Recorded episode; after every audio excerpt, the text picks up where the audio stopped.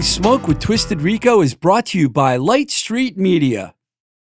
This podcast is supported by Joe's Albums. You know how much I love vinyl and go in the record stores. Well, my favorite stop these days is Joe's Albums. Joe has two fantastic locations the original store at 317 Main Street in Worcester, Massachusetts, and their newer stop out in the hipster college town of Northampton at 5 Market Street.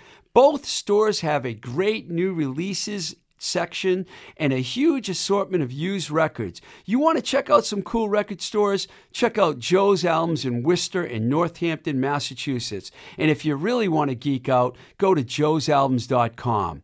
We're also supported by Baby Loves Tacos, the fantastic Mexican style cuisine joint located at 4508 Liberty Avenue in the Bloomfield section of Pittsburgh, Pennsylvania.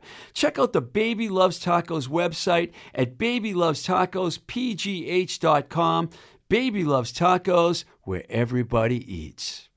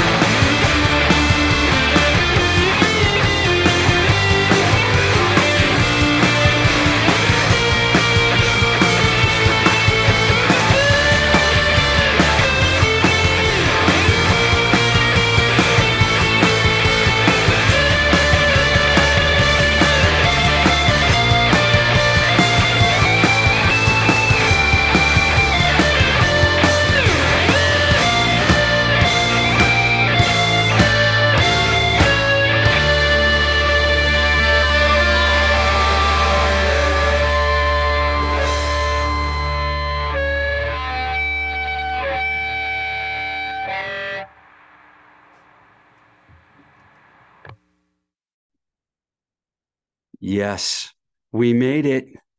Episode 200. Originally, the goal was to reach 100 shows, and look at us now on top of the podcast world, all predicted by my friend Zachary Shell, who told me I had to do a podcast back in 2019. Oh, yeah, wait a minute. Welcome to Blowing Smoke with Twisted Rico. I'm your host, Steve Ricardo, sometimes lovable, sometimes wacky.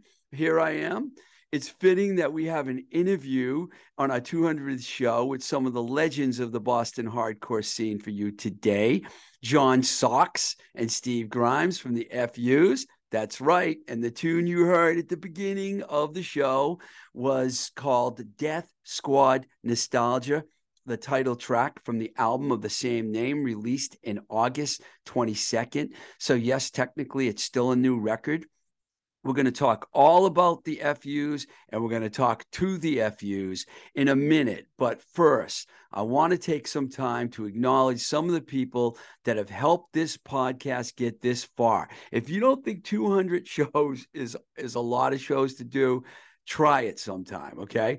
So, um it got us so far, in fact, and it makes me so happy to tell you this that we got this incredible write up in the Boston Globe last week, and I, I was overwhelmed by the the beauty of it all. I mean, to be acknowledged like that by the Globe meant everything to me. So thank you, Boston Globe. Um, I already mentioned Zach Shell, who was really the main inspiration for me to start this show. Uh, it, it, his he started talking to me about doing this show months and months before I did it, and once I decided to do it, I just went all in on it. Um, there was a guy named Garrett, aka G, who engineered my first seven shows for me in Pittsburgh. Thank you, G. You got me going, man, and I'll never forget it. When I moved back to New England and I was waiting for New Alliance to set up their podcast room, my good friend Richard Marr up at Galaxy Park in Salem, Massachusetts, recorded a bunch of shows for us. So thank you, Richard. Once we got New Alliance going, the one, the only Dorchester's own Herb Morsiglio took over at the helm and check this out. Got some breaking news for you. Herb is rejoining the production staff of Blowing Smoke with Twisted Rico in March, and I couldn't be happier to tell you that news. So, looking forward to working with Herb again. Great guy, and it'll be great to have him back. During the dark days of the pandemic, Nick Z over at New Alliance East recorded my shows when I couldn't get anyone else to do it because it was just dark, man. We had masks on. We we went into private rooms. We managed to get some guests to come down, and Nick was there, and I appreciate that, Nick. And of course, Mike Nash at Voice Motel, who has been the engineer for more shows than anyone for over a year, and he did an incredible job. Thank you very much, Nash. Really appreciate everything you did. I would also like to take a moment here to thank Dia Ghosh and Duncan Wilder Johnson for both helping out with various shows along the way, serving as co hosts or whatnot. They're both fantastic, good friends. Thank you. AKA Penny Lane, who helped out with many of the shows, where it ta- whether it was taking photos or videotaping. Thank you, AKA Penny Lane. Shayna, our booking agent for the last few months, has been doing a great job. I don't know what I'd do without her. Thank you, Shayna. I want to acknowledge and thank Dave Spaz for making us t shirts and masks. Yes, when we needed blowing smoke with Twisted Rico masks, Dave Spaz made them for us.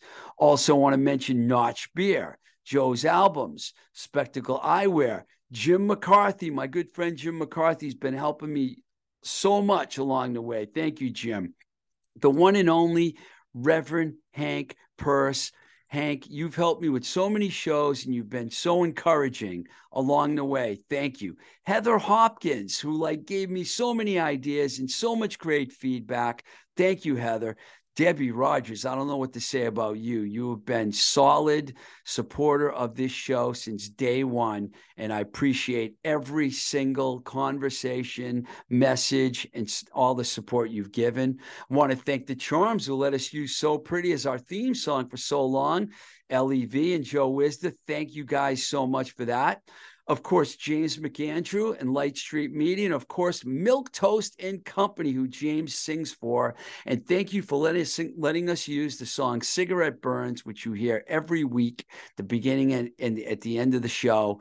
Great track, fits perfectly in with what we're doing here. I want to thank all the people on Patreon and Anchor that have supported the show since day one. Everyone at New Alliance. New Alliance has been really good to me. I really appreciate it.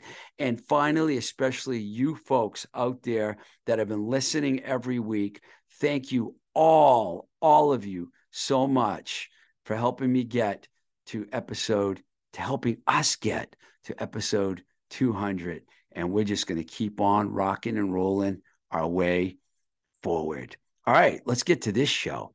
I'm not going to lie, John Sox has been on my list of future guests for a while. So it was a pleasure to talk with him and the doctor. That's right, Dr. Steve Grimes. Steve Grimes guitarist of the FUs, has a PhD. So take that, you rock and rollers. I have a little history with these guys, bringing them the Restless Enigma to the Restless Enigma family as the as the Straw Dogs when they changed their names for a few years. Uh, and that was back in 1986. We also had had Straw Dogs guitarist Steve Martin on the show not too long ago. In fact, imagine that. We have one of the biggest publicists in music in the music business, Steve Martin, who works with Arcade Fire, Foo Fighters, and some guy named Paul McCartney, and a doctor a doctor and a famous publicist from the Straw Dogs. Man, they've done well for themselves, these guys. You got to love it. Um, we talk mostly about the FUs in this show, but we do get into the Straw Dogs a bit. So stay tuned for that. The FUs are one of the original Boston hardcore bands. They formed in 1981. They were included in the classic This Is Boston, Not LA album. They released three incredible albums three years in a row. Kill for Christ in 1982, My America in 1983, and Do We Really Want to Hurt You in 1984, all of which are classic hardcore albums. John and Steve remained together when the when they re, when they changed their name to the Straw Dogs, uh, put three more records out, two of which were on Restless Enigma, and um, then they they reunited on a few gigs for a few gigs here and there, and significantly their performance at the Boston Hardcore Reunion show for the film XXX All Ages Show XXX in 2010. That was an incredible night, which featured sets by DYS, Jerry's Kids, Gang Green, Slapshot, and others. I was lucky to be there. Never forget that show. Truly incredible. From that point on, there were shows here and there. And now the band is back in full swing. And they have this new record called Death Squad Nostalgia. And they plan on going on tour. And we're going to get into that. And we're going to get into everything I just talked about and more. So here I am uh, talking with John Sox and Steve Grimes via Zoom. All right, here we go. Before before I talk to you guys about Death Squad and nostalgia, I was hoping we could go back in time because I do have a few questions about the history of of you guys. Uh, um, I think I heard somewhere, John, that you grew up in Connecticut. Is that true? That is true. Like, wh- where in Connecticut? Um, in Hamden, Connecticut. Uh, same place that Craig Spalter from the Eels grew up in, although we lived in the same area of town, but I never met him. and, uh, and I I don't know if I ever met him in Boston either. I think I might have met him once at one of those loft shows across from uh, the the garden. Uh huh. Garden. Oh yeah, But, uh, Causeway, the loft parties. Yeah. Yeah, yeah, yeah. But um, yeah, it's funny, like you know, just to have somebody like be a singer and be from Hamden, and which is you know, it's not a small town, it's not a big town either. Are, are you from the Boston area, Steve? No, I, I, I live, well, I, I live partially in Connecticut too, but also before that in New Jersey. So neither one of you guys were born in Boston. No. Oh. Right. Oh, see, I did not know that. I knew I would find some things out. Um, when you guys were growing up, when did you start listening to music and what did you start listening to? Either one of you can go first. I'd say when I was about five, you know, I had a, I had a, a Beatles single that I got as a birthday present from a cousin, you know, and uh, I also had access to my grandparents' radio, which had a little turntable built into it, uh, and uh, I listened to. I remember. I don't remember a lot of what I listened to back then on the radio because it was a long time ago. Number one, and you know, the, a lot of it was just pop that was kind of kind of lame. But I remember hearing La Bamba a lot and thinking, "Wow, this is really good." you know, there should be more music like this. You know, and uh, and I didn't realize he was singing in Spanish. I was too young to know that. I thought he was just singing really fast. I couldn't understand the words, which is what people say quite often when I'm singing, but uh, coincidentally. Did, I mean, I know you told me that you became more into metal and stuff. Did that happen when you became a teenager? Yeah, yeah. Um, actually, middle school, you know, I was, I was listening to uh, a lot metal and and progressive too. You know. What does that mean? Like Yes and King, King Crimson and stuff like that? Yeah, Emerson, Lake and Palmer. Oh yeah. Yeah. Cool. What about you, Steve? Um, well, you know, I, I started, I had older sisters, so they were uh, listening to music and I started picking up on, on what they were listening to too. So, you know, I, I had a, a, a few singles. Um, when I was uh, a teenager, I started listening to like, you know, all the 70s stuff that other people listened to, uh, you know, Zeppelin and, and Pink Floyd and the Stones and all that. But I really, um, I was kind of weird in that I, I, I still kind of liked stuff from the '60s. I listened to a lot of Cream and Hendrix and and Beatles and stuff. So that was yeah, I, them too. I, I, I kind of like the acid stuff, acid rock stuff more than than what was going on in the '70s. I imagine you guys were probably Queen fans too, since you covered a Queen song. Yeah, yeah, yeah. So, um, now I know that you went to BC, John, and you moved up here. Did you come up here to go to school too, Steve? Uh, I went out to the West Coast first and um, uh, hung out there for a little bit, and then came out to to Boston to to just hang out. Really, And I, I think I read somewhere that um, John and Bob Furapples started playing together, right? And then you guys saw an ad or something that Steve had put up looking for bandmates. Is that how you guys all met? Well, well, Steve answered our ad after we Yeah. went through several auditions for guitarists. But you know, they just didn't. They, I mean, there was one guy who knew about the Clash and he knew the Clash songs, which was good, you know, and he knew some of the Sex Pistol stuff. So we thought, oh, maybe this will be okay. But um, he was a, a cook on an on an air in with an airline. He was a an air cook, I guess. So, you know, it was hard to schedule with him. Also, like he had this total disco boy look, you know, the short hair part of the middle, feathered back on the sides, and you know, the gold chains and all that stuff. And but image wise, it didn't really go with what we were doing. so, so yeah, so we kept we kept putting out ads for guitarists, and one time Steve showed up and uh, he looked the part, and uh, he said, "I have some songs." so he like, yeah, he pulled out this sheet of paper from his pocket, and there were like all these songs like written on it, and so we're like, yeah, I, I think we got the guy. So this is like this is like 1981 around 80 81 Yeah, eighty one. Yeah, and you guys were into punk at that point already. yeah. Oh yeah, definitely. Well, I mean, you know, because starting with the seventies, you know, the Ramones and Sex Pistols, the Clash. Uh, Bob and I were both big Jam fans. That's why uh, that was one of the bands he mentioned in his ad when he was looking for people to start a band with. Uh, and I said, "Yeah, I like all those bands he likes." So I, I answered a similar ad by Al Barile. Uh, not and and uh,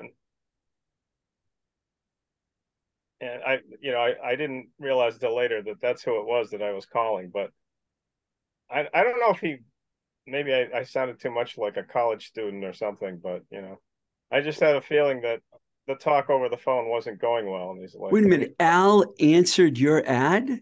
No, no, I answered Al's ad when I wanted to when I wanted to sing for a band. Wow. Bob's Bob's I Bob's ad I called late. Bob's ad came later, so I actually called Al Barile before I called uh, Bob, and uh, and he put his name in the ad, Al Barile. So you know, later on when I met him, then I put two and two together. But uh, but he's like going through all the names of the bands in his ad, like that you have to like, you know, you like, and he's just a- asking me one by one. I already told him I already like the same bands, but maybe he was just not trusting. So it's like, oh, do you like the Sex Pistols? Yeah, I love, I love the Sex Pistols. Do you like, you know, and he's, do you like, the, yeah, I love them. You know, the, what do you think of this band? He's like, they're great, and and and he's like, and uh, and and what do you think of the UK subs? And I said, I haven't heard the UK subs, uh, but uh, I'll check them out. And he said, you have to like the UK subs, and he hung up on me.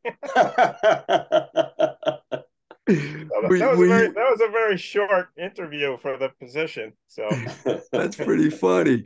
Uh, Steve, did you had I like? heard the UK subs, I, I might have been the first singer for SSD. Wow, we could have a whole different conversation going on here.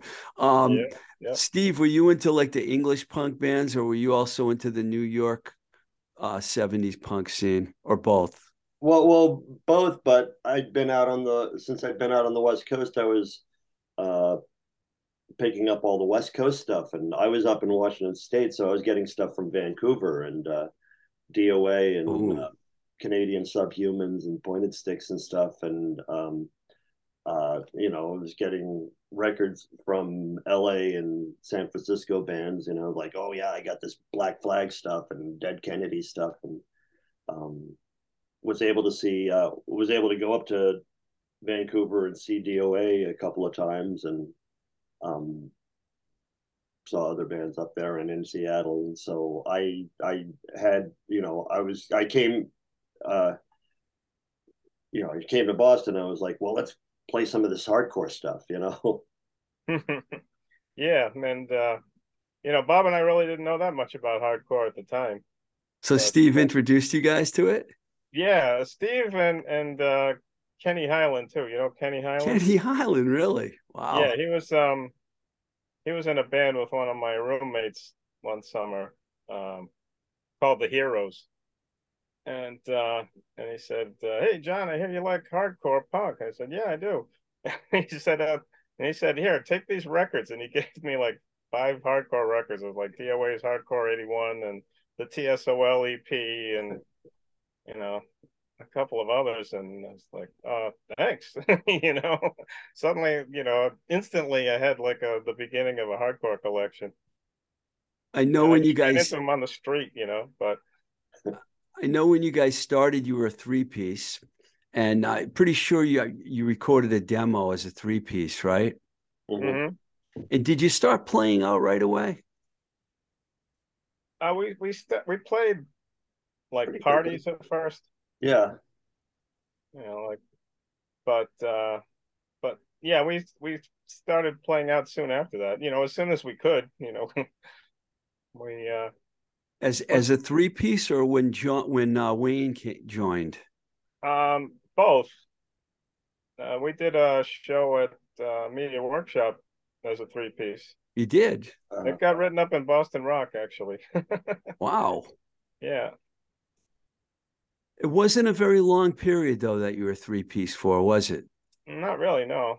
No, my my earliest show memories are are from us as a four piece at like the club show in Cambridge and uh um Canton Streets. did an early show there. Yeah, we we did a show at Streets with Wayne too. With, with, back after we first joined. Mhm. That was But- really good. The demo that you made though got some local airplay, and that's how you guys started to get known in the scene a little bit. It did, yeah. You know, uh, college radio. Also Well, co- just we were Not playing, you know, BC. Those those efforts, you know. all all the money we've given to them over the years, and they they never play any hardcore punk, except when Smalley was there and he had a little hardcore show. They let him get away with that. Did you and Dave know each other when you were at BC? Who are you asking? I'm asking you, uh, what you both you didn't go to BC too, did you, Steve? no, not not then. Uh, Later uh, on I went to grad school there, but but yeah, yeah, I John and Dave lived together at, at that point. You did. I just Yeah, talked this. yeah. I, I just talked to Smalley last week on the phone for a little while. I just realized you're look you're not looking at me, you're looking at my picture, which is why I I don't realize you're you're talking to me because you're looking at my right shoulder. I, I don't know what I'm looking at. So now I know when you're looking at my right shoulder, that means you're talking to me. So yeah, the, we did know each other, although um uh I was graduating well I was on the five year plan, so we met during my fifth year when he was a freshman. So, you know but that's Um, also probably why he got. away. I tried to get a, a, a show on uh, ZBC to play punk too, but that's probably how he got on because they were a little more, uh, a little more tolerant than when I was there. When I was there, it was really like super preppy, rah rah Reagan. You know, Rah rah Reagan. yeah. I believe that.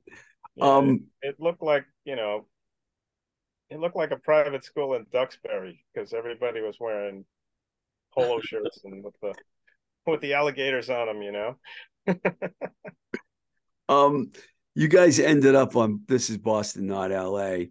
Uh, in 1982, and you'd on, only had been around for a little while. I I think I heard somewhere that Jonathan Anastas, because he was working at Newbury Comics, is he the one that got you guys hooked up with Mike Dreese and them? Yes, yeah. Um, and it's this this is another thing that ties us to SSD. Uh, Mike Dreese wanted SSD to be on the record, and Al Barile said, uh, "No way, no way, we're a DIY. You know, or that we don't uh, we don't go on any labels that that we aren't in control of." So he had some space at the end of the record. he asked Jonathan, who was working in the store at the time, "Hey, do you know somebody who can uh, who can fill, who can do a couple of songs for this record?" He said, "Yeah, I got some friends in the FUs." He said, "Oh, get them." so, so, uh, so thanks, John.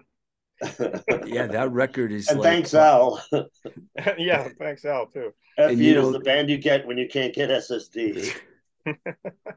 I'm going to ask you a little more about that those guys in a second, but uh, so that record ended up becoming like way bigger than any anyone ever thought it would. I mean, it's like still to this day, it's like a famous record to be on. So you must be pretty psyched about the fact that you did get that break, right? Yeah, yeah, Yeah. It was, uh, Um, that you guys weren't really part of the Boston crew, right? well, y- yes and No. no. I mean, you know, yeah, yeah. You know, it's kind of like it. We did, we did hang out with those guys, you know, and we went to Pizza Ped and Captain Nemo's like everybody else did.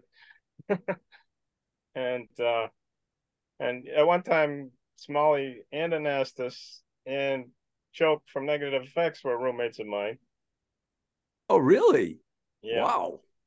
Later on, a couple of the Negative Effects guys were, were housemates of Steve's. Yeah.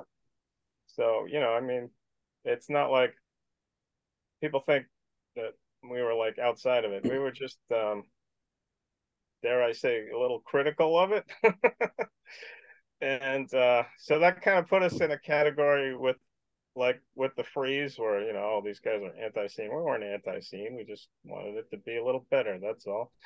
no, I- I know, you know, I know I've known you guys for a while, but not really that well. But I know that, you know, um, you know, Hank hung out with you guys and he was a straight edge, but I didn't know if the FUs were a straight edge band or not. I don't I if someone asked me that question, I wouldn't know if you were were you were you considered a straight edge band? Uh, well, when we went out to California, we were considered a straight edge band because we were on a label called X Claim, you know, like straight edge X, but which is, but uh, and some people didn't like us for for, for that, you know. But Oh, there's there's other I things they didn't, I didn't didn't, like. ha- I didn't have a beer on stage with me to drink, or so maybe that would have put it to rest. But uh, But you, but the point I, I was thought, ma- no, I thought that was really interesting, you know. But yeah, the Yeah, point yeah, it was was a- it making was is something San, it was in Boston San equals Diego, I think. edge. You know, we were there were these these kids that all looked like Wattie from the Exploited. You know, they all had that same same mohawk and leather jacket with the pins and everything, and they were yelling Boston straight edge wankers. So I mean, you know, who's the real joke here, right? I never thought of you guys as a straight edge band, but I Well, did. you I were do. correct. Yeah, I, I did. I did know. I do know that you, you know, Kill for Christ ended up on X-Claim Records. Did Al approach you guys about coming on that label? How did that all happen? I think the whole idea from the beginning was that bands could could do it themselves and and not have some sort of central clearinghouse or anything that would make decisions. Right, right. Yeah. Um. The Al said, you know, anybody in the scene in the Boston hardcore scene that wants to use that name can use it. You know, and they they don't have to pay a fee. There's no licensing fee to use that name, and they didn't hire us. You know, everybody put out their own records and they sold them at shows and sold them through their own mailing or whatever. And uh, but also like Dischord, you know, because because it was a label that that was just for Boston music. Um, it got more attention from distributors than if it was just some label that each of us came up with with different Right. names. So, so it wasn't a press and distribution deal or anything like that, where they paid for anything. No, we No. paid for everything. Okay, that makes sense. I didn't know. Uh, here's another thing I want to ask you about that record. Pushead did the cover. How in the world did that happen? We were in contact with them. Um, I don't know if I don't remember if we asked him or he asked us, or but but you know he ended up doing our cover. You know, he was doing a lot of covers then. yeah, I think he did ask us. I think he wrote to Bob, who answered all the mail back then. And um, he was also a singer in a sep- in the band called Septic Death out of Boise, Idaho, Idaho that we played with once in Boise. But um, he was, you know, he he wanted to be discovered as an artist, so he gave us that for free. And you know, I might be a little prejudiced, but I think it's his best work. and uh and you know if we wanted something like that now we'd probably have to like call his secretary and you know and bid on it So things were go things went well enough with the X-Claim deal where you did My America, and uh, that record really. Uh, I mean, I guess controversy is the only the word I can think of. The lyrics of the record were misunderstood. I know that you you probably have talked about this a lot, but why did why do you think Maximum Rock and Roll turned on you guys and tried to portray you as like a nationalist band? I remember when that happened and uh, because I, I didn't never thought of you guys like as as nationalists. What what do you think? How what was there was there ever an explanation given to you? No. here's my theory um Go ahead.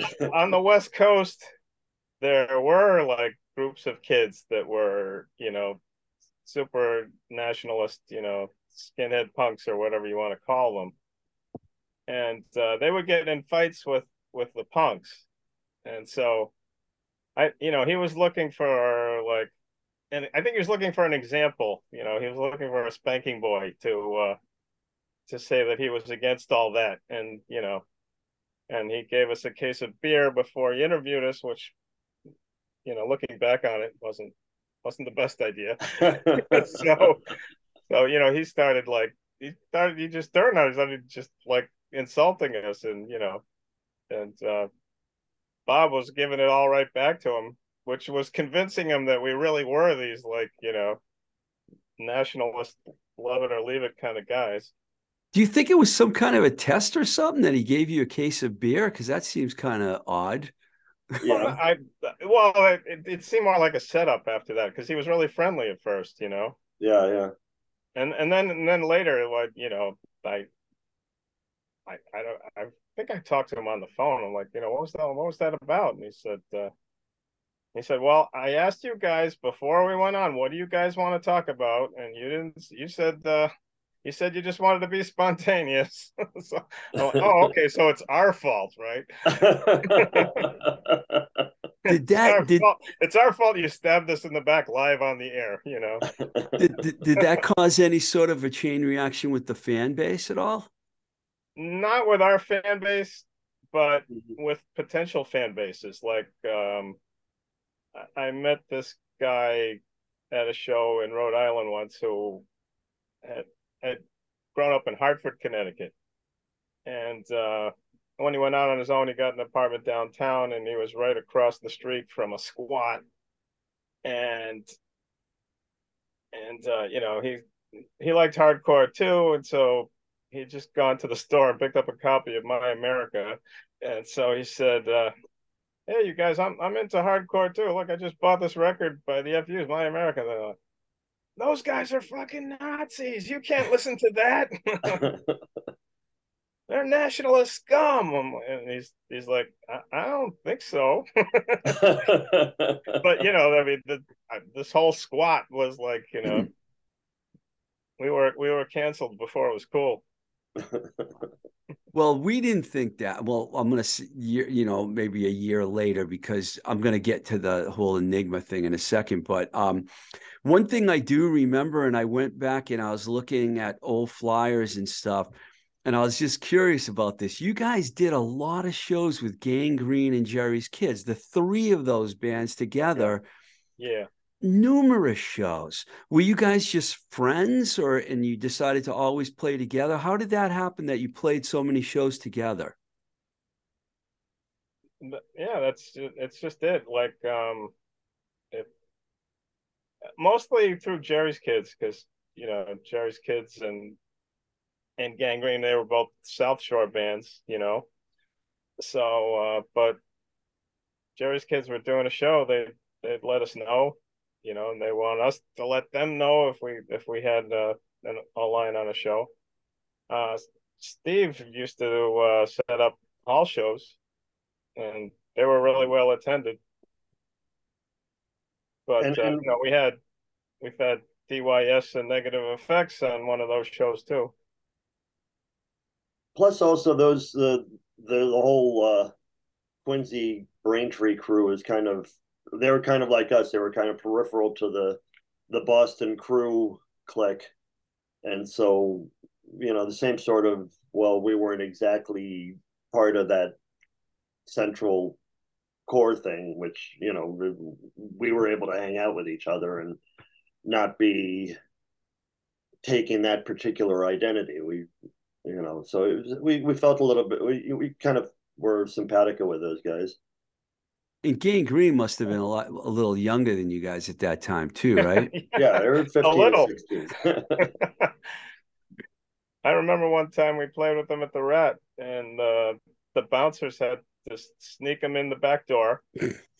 they said, "Okay, you guys, get right to the stage, play your set, unplug, run back to me, and I'll get you back out." That's literally what happened. I just happened to, and Steve, you used to do a lot of flyers, didn't you? You Yeah, made a lot of the flyers. Yeah, you're kind of famous for that, aren't you? yeah maybe Steve is the flyer king. um it wasn't soon not not much after that that you guys hooked up with bill bartell the late great bill bartell i got to know bill pretty well he was a really good guy and um it's funny because a lot of people talk to me because they know i worked at enigma records and we did that deal with restless and they always think that i was the one that like got the you know fus on enigma but i technically had nothing to do with it it was bill bartell that you Oh. guys did a deal with yeah and he brought you to Wes Hein. Uh, at least that's the way I remember it. I was still only a 22 year old kid at the time when I was working there. So you guys met Bill, right? And that's how it happened. Um, well, he he corresponded with us mostly by mail because you know he's on the west coast, we're on the east coast. But uh, yeah, he, he just he liked us, and he wanted to put he wanted to put more punk records out, so he did our last record before we reformed. Do we really want to hurt you? Which we plan on re-releasing one of these days Oh, because uh, No. not a lot of people have it, and you know, and I can only imagine the contract hell involved in that because you and so many bands get in touch with me about their old records, trying to get them back from these labels. Like they think Yeah. I can get their records back for them. You know, like I've been going through that with the bands on Giant Records. You know, Dag Nasty wants that Field Day record, but the owners. It's a very complicated pile of crap. But, anyways, that record ended up doing really well for you guys. Mhm. hmm and um, matter of fact, "Young Fast Iranians" was on that record, and you redid it, and that song, for one, is really. Um, it's really withstood the test of time. I this past summer, Joni Lindstrom was spinning vinyl down at Notch Brewery, and I was down there, and I heard "Young Fast Iranian, so I ran over and I'm like, "Straw Dog." She goes, "Wrong. It's the FU's version." Um, so after that record came out, I remember the all the things that started happening. It got a really a little interesting for you guys. Uh, you decided to change your name. Uh, Steve Martin, who uh, who I got to know really well after that. Uh, you know, um, he he was on my show actually a little while back, and he's he's now a big time publicist. Mhm. Um, and Bones came in on drums, and you released that self-titled record. I remember that I was um, Julie Chrysler, I think, was your manager at that time, and yeah, she yeah. contacted me, and uh, she said, you know, the band's going to change their name. Like this is after we already said we would sign the band, right? And I went Yeah. to Wes and I said, let's put these guys on Restless, okay? Because we're starting up the new division. And I went in there and I told Wes, and Wes is like, what do you mean they fucking changed their name? can't change their name. And I remember thinking, how the hell am I supposed to tell this band? Can you just explain to me your version of all this? Because I'd love to hear it. Not really. I, I I can give you mine. It might be different from the other guys, but uh, um, Steve pitched to us that you know if we wanted to get more airplay, you know, we needed Steve Martin? yeah Okay. yeah we need we needed a different name, and also we were we weren't sounding like the FUs as much. I mean, we were still the FUs in in our hearts, and we still did FU songs, but you know, just with more whammy bar. so, um, so you know, we, we just thought it was a, a change that that made sense. we we were kind of held back by by the name, like like certain uh, newspapers wouldn't mention our name, and you know Yeah, there were Yeah, there were times and then people didn't want to hear had hear have anything to do with with the name. yeah. I remember some BCN uh, DJ when he's reading the club list for the weekend. He said. And a band with a really stupid name will be appearing at the channel on Friday night. Opening for the Misfits. wow. So Oh. Wh- when when when that was all going on, it was kind of hard for me to remember all of it. But I do remember talking to Julie and trying to figure out why the band was changing their name and and if there was any way that that wouldn't happen. And and she said that you guys wanted no part of that. And you you were changing your name, and that was it. But we still, you know, released you know the the EP. Uh, and I think, unfortunately, it was right really close to maybe even the day after or real close to when we released it that bones Same day, literally the same day Yeah. you know what bef- 1st May first of '86 was the when the first EP was released and when he also died. yeah. before we get to that though let me just go back for a second bob why did bob is it true that bob left the band because he didn't want to do hardcore anymore or is it because the band changed their style i mean what what happened with bob Bob would say it's because he didn't want to grow his hair. Steve and I were getting kind of shaggy back then, you know. And it's like I'm not growing my hair. did, did he j- is that the real reason that he Yeah, he, didn't he he's not. He does uh, didn't like doesn't like many metal in any capacity. He didn't want that, you know, even to be like insinuated in our music. So how did you find Bones? Uh, I I don't know. He was recommended to us, right, Steve? Yeah, I think so. Because because um, you know, we know people from Marblehead. A lot of skaters come from Marblehead, and Bones was one of them. So uh, that's that's how he was recommended to us. Some of the guys from the Boston crew are from Marblehead too, right? Yeah, Yeah. like Phelps was. Yeah, so that so he knew those guys maybe. Yeah, I'm sure he did. Yeah. Um, okay, so the EP comes out. It's great EP. I mean, tie your mother down. We mentioned Queen earlier. That was a great cover. I couldn't believe it when when we got it. And, and tie your mother down. You know, because I'm a big Queen fan. You know, I actually got to see Queen three times when I was a teenager. You know, Oh, um, yes. the momentum kind of got a little broken up there, unfortunately, due to Bones getting Yeah. killed in a car accident. That must have been a difficult period that. for you guys. yeah. It we was- we had to go through a whole lot of drummers essentially, which made things real hard. And he is he on uh We're Not Amused? Yes. Yeah, he is. We had we had recorded it before the, the EP was released. That's, Yeah. I thought so. Yeah. Um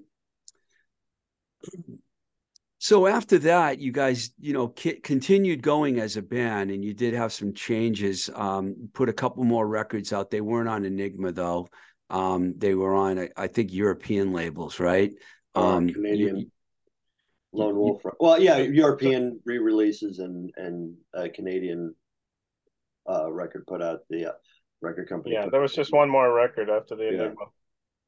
y- your own worst nightmare and what about under the hammer That's that's just a that's a compilation collection of the that's just a collection of the two Yeah. Enigma records put on one CD by um by a, a German label.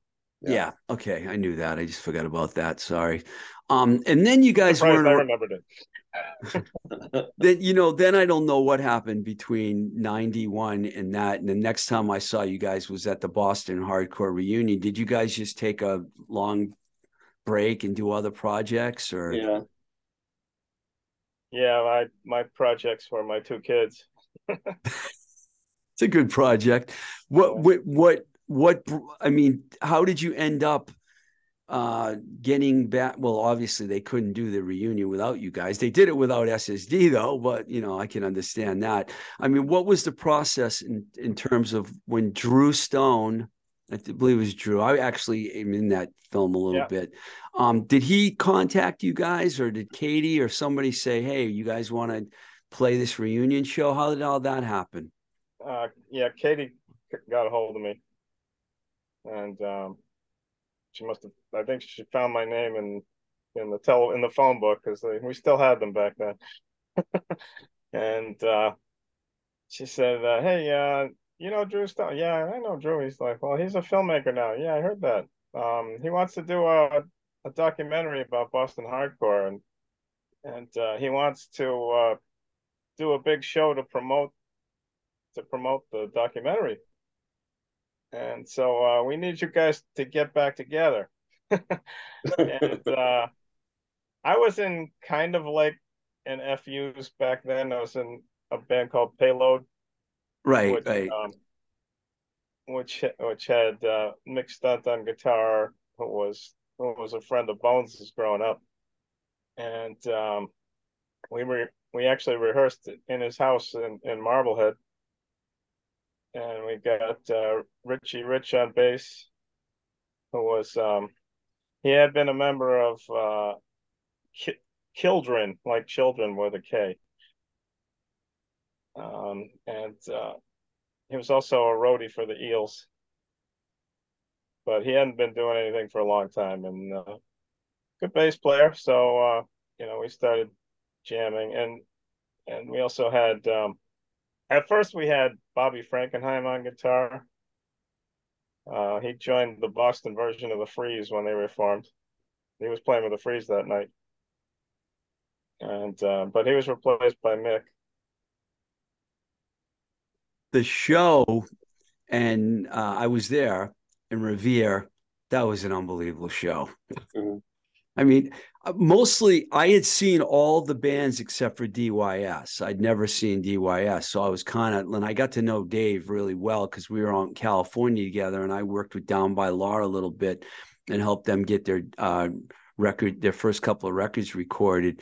Um, what are your, I mean, you guys must have had a good time that night. That, that show was pretty amazing. Yeah, yeah. I was pinching myself all night, you know. I, I didn't think anything like that could happen again. It was Uh, packed too, man. yeah. Everyone showed up for that. Yeah, I, I remember driving up and seeing this line going around the block. I'm like, oh, is somebody throwing away money or what's going on?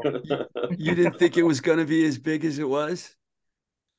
I I did not expect it to be that big. No, no, I they didn't either because originally when they started out talking to the Club Lido and which is the used to be the Wonderland Ballroom, um, they were originally going to do it upstairs in a smaller room, but then when they sold so many tickets, they're like, oh, we're gonna have to use the big room.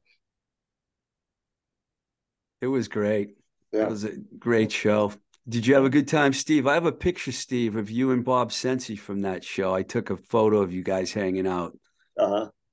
Yeah, I had a great time. I mean, I thought- friends. Yeah, I thought all the bands were really good too. Yeah. It's hard to Mhm. say who, you know, stole the show.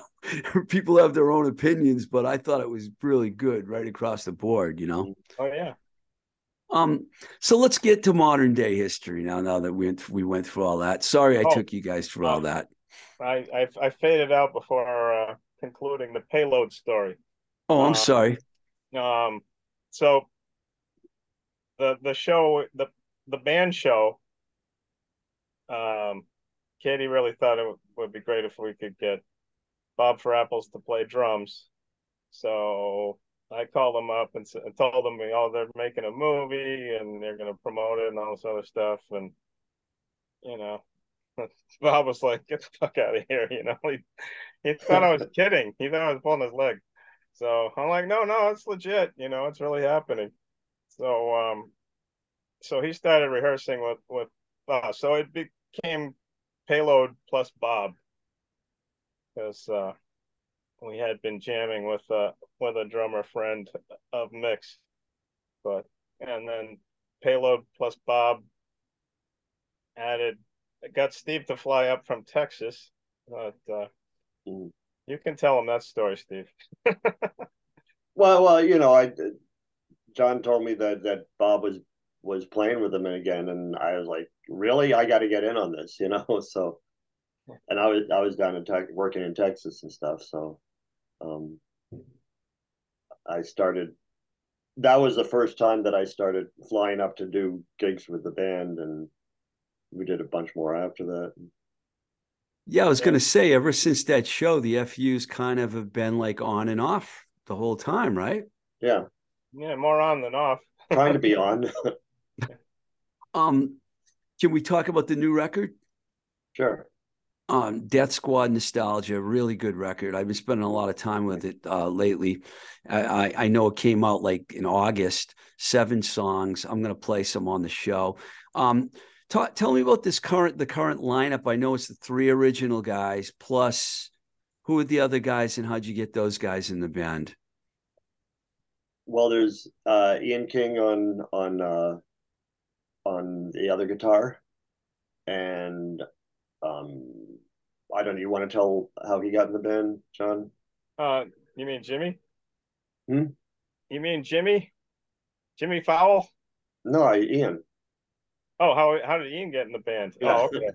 Um, he was he was a friend of of Richie's, uh, who was Yeah. who had been playing bass with the FUs uh, uh, because Wayne lived in Maine and it wasn't convenient for him to come down every time we were playing a gig.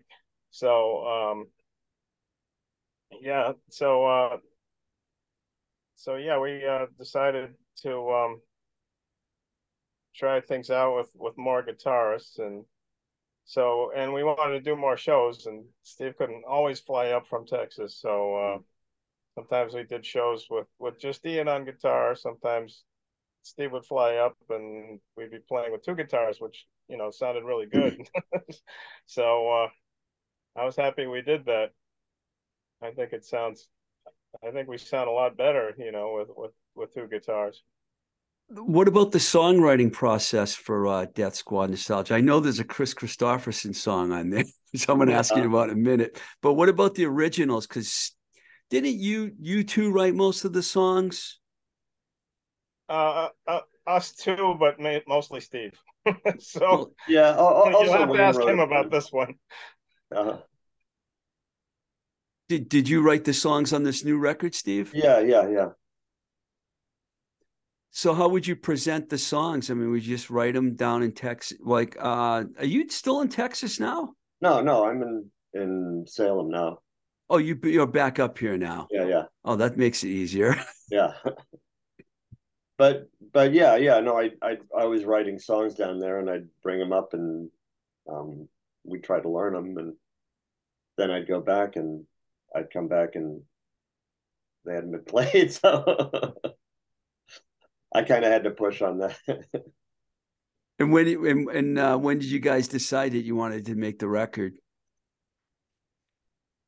It was Long something we always started making it. yeah, yeah. It was something we had always talked about, but we had, you know, lack of uh, resources, lack of money and and such, and right. we're kind of starting from scratch again. It seemed to Yeah, be we- getting a really good reaction. Ah, good. Yeah. Um, okay, I'll, I'll ask the Kris Kristofferson song. I mean, Sunday morning coming down. It's a really good version of it. Were you guys just a fan, or did is it supposed to be a joke, or I mean, what what's the deal with this? No, I I I kind of had pushed for for covering that, and um, it it's absolutely not meant to be a joke. I mean, it's it's you know, it's it's I think it's a serious song to me. It's not you know, oh I'm oh ah, ha ha I'm so hungover or something. It's about you know, just feeling out of place and um, as as I I read something Kris Kristofferson said about it. He said um, it had to be said on Sunday morning because on Sunday morning the bars don't open till noon. So if you're alone, that's the loneliest time there is. Now I thought that was a pretty good comment. Were you- were you a fan of those outlaw country guys, Merle Haggard, Johnny Cash, and Yeah, all those yeah. guys? Yeah, Yeah. I like Waylon too. Waylon. Jennings. Yeah. Yeah. I think he's uh, a great singer, like better than people think he is. Because he can sing really smooth and he still sounds like like a man that you you could uh, be friends with, you know. No, are you guys going to go on tour? Or do you plan on doing something with the new record? We we are, yeah, we're going to the UK this summer. mhm. Uh, we're going back actually. We went uh, we toured the UK and the continent back in 2017. So the So- FUs are popular in Europe. Mhm. We're Yeah. getting there, yeah. Is this a tour that you're doing with other bands, or are you doing a headlining tour? Um, well, what happens is it it's a festival, so you know it's what a lot of bands that that we know are going there. I mean, you know, HR is going to be there, TSOL, uh, you know, a lot of old English punk bands are playing there. I think the UK subs play every year, but I could be wrong about that. Nice. What about he, What about the states? Anything in the states?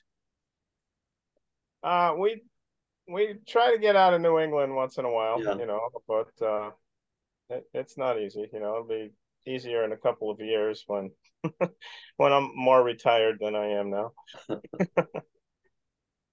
Plan on doing it for a long time because I I I know you have to be a little old because I'm I'm sure we're around the same same age. Yeah. That could be. That could be. And you know, did I already mention did I already refer to you as Dr. Grimes? Because I have to ask you, you got a PhD, which is pretty interesting. uh-huh. W- was it recently that you got your PhD, or have you had it for a while? No, I I, I um, earned that in Texas and uh, UT Austin uh, in uh, in geology. Um, so yeah, I've I've had that for a while. I think Did you before say you theology? geology. Yes. Yeah, I you know I think John and I were talking about this. There's a few other guys that are pretty smart guys in the punk world. Milo's got a degree, and uh, Um, Greg Graffin from Bad Religion is a doctor, I believe, also. Uh, Hmm. Brian May, well, he's not a punk rocker, but he's a doctor. yeah, the guy from uh, the Offspring. Yeah, yeah. So you're in, you're in good company, man. Yeah, yeah. People Yeah. think everyone's dumb in the punk and hardcore world, but that's not the case, is it, Steve? Doctor Steve. Well, I, I don't know. Maybe we are dumb, but we're potential dumb. um, before I let you guys go, I always ask people if you're listening to any new music and what, and if there's anything that's been coming out lately that you guys like. Is there stuff that you've been listening to, or do you go back to the old stuff? Do you listen to vinyl, streaming? All of that, but um, I listen to a lot of Motown. Oh, that's cool. I I got on this Motown kick, but it's more than a kick because it's been going on for a few years now. Um, Huh. But you know, I, I I do listen to some hardcore and and some metal. Although most of the metal I listen to is Iron Maiden and Black Sabbath and Judas Priest.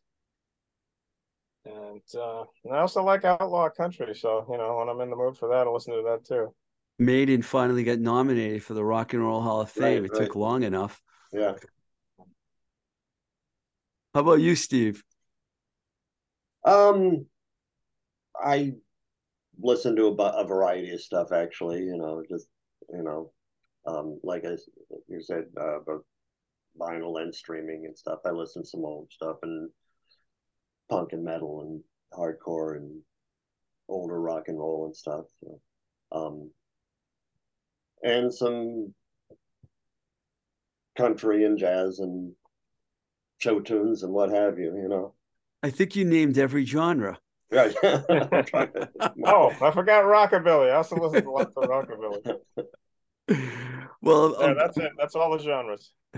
well, I'm happy that you guys are still out there doing it, man. It's fantastic. You did a great job on this new record. So congratulations thank on you. that.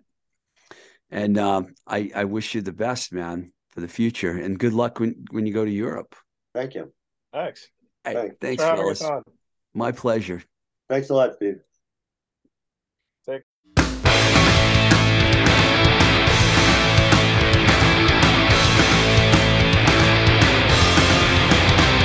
It's a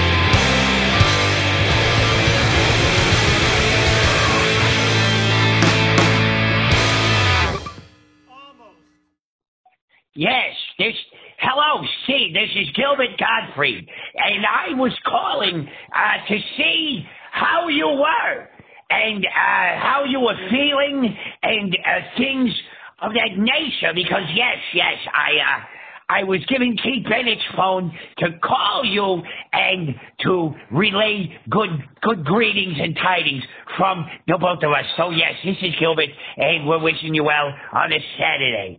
So uh, good goodbye. Yeah. Wait, wait a minute. Wait a minute. What was that? I think you know who that was. That was a very nice Gilbert Gottfried imitation. Uh, and and I think you know who that was. All right, it was nice to catch up with John and Steve from the FUs. A song that we played before the Gilbert Gottfried bit was uh, Razor from 2022 release Death Squad Death Squad Nostalgia. I just like saying that name. Let me say it again. Death Squad Nostalgia. The FU's one of the pioneers of the Boston hardcore scene. So we've had members of SSD, Jerry's Kids, DYS, Gang Green, Slapshot, and now the FUs. We're not done yet, though. We're not done yet. I'll tell you why in a second. Uh, we love the hardcore, the Boston hardcore scene, which is one of the best in the world. And these bands are all true pioneers, right up there with the likes of Bad Brains, Black Flag, Minor Threat, Circle Jerks, you name it. Boston hardcore, well rep- represented. We're not done yet, though, okay? Because we have another legendary band from the early Boston hardcore scene they're actually from Cape Cod. And if you're a hardcore fan, you already know who we're talking about. Of course, we're talking about the boys behind the song. This is Boston, not LA. The Freeze. That's right. The Freeze will be coming on the show to join us soon. So stay tuned for that because I'm excited. I know you're excited. you ought to be. All right. So, till the next time we say goodbye, this is Blowing Smoke with Twisted Rico. I'm your host, Steve Ricardo. Keep the rock and roll alive.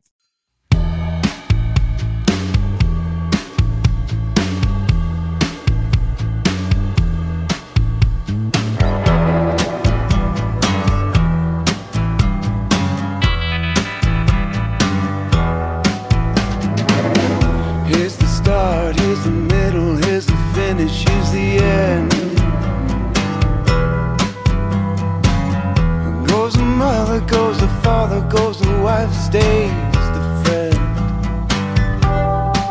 Got a bunch of cigarette burns in the back of my head. Bunch of cigarette burns in the words I've said. If I die tonight, all the hand inside and know that I was never meant for no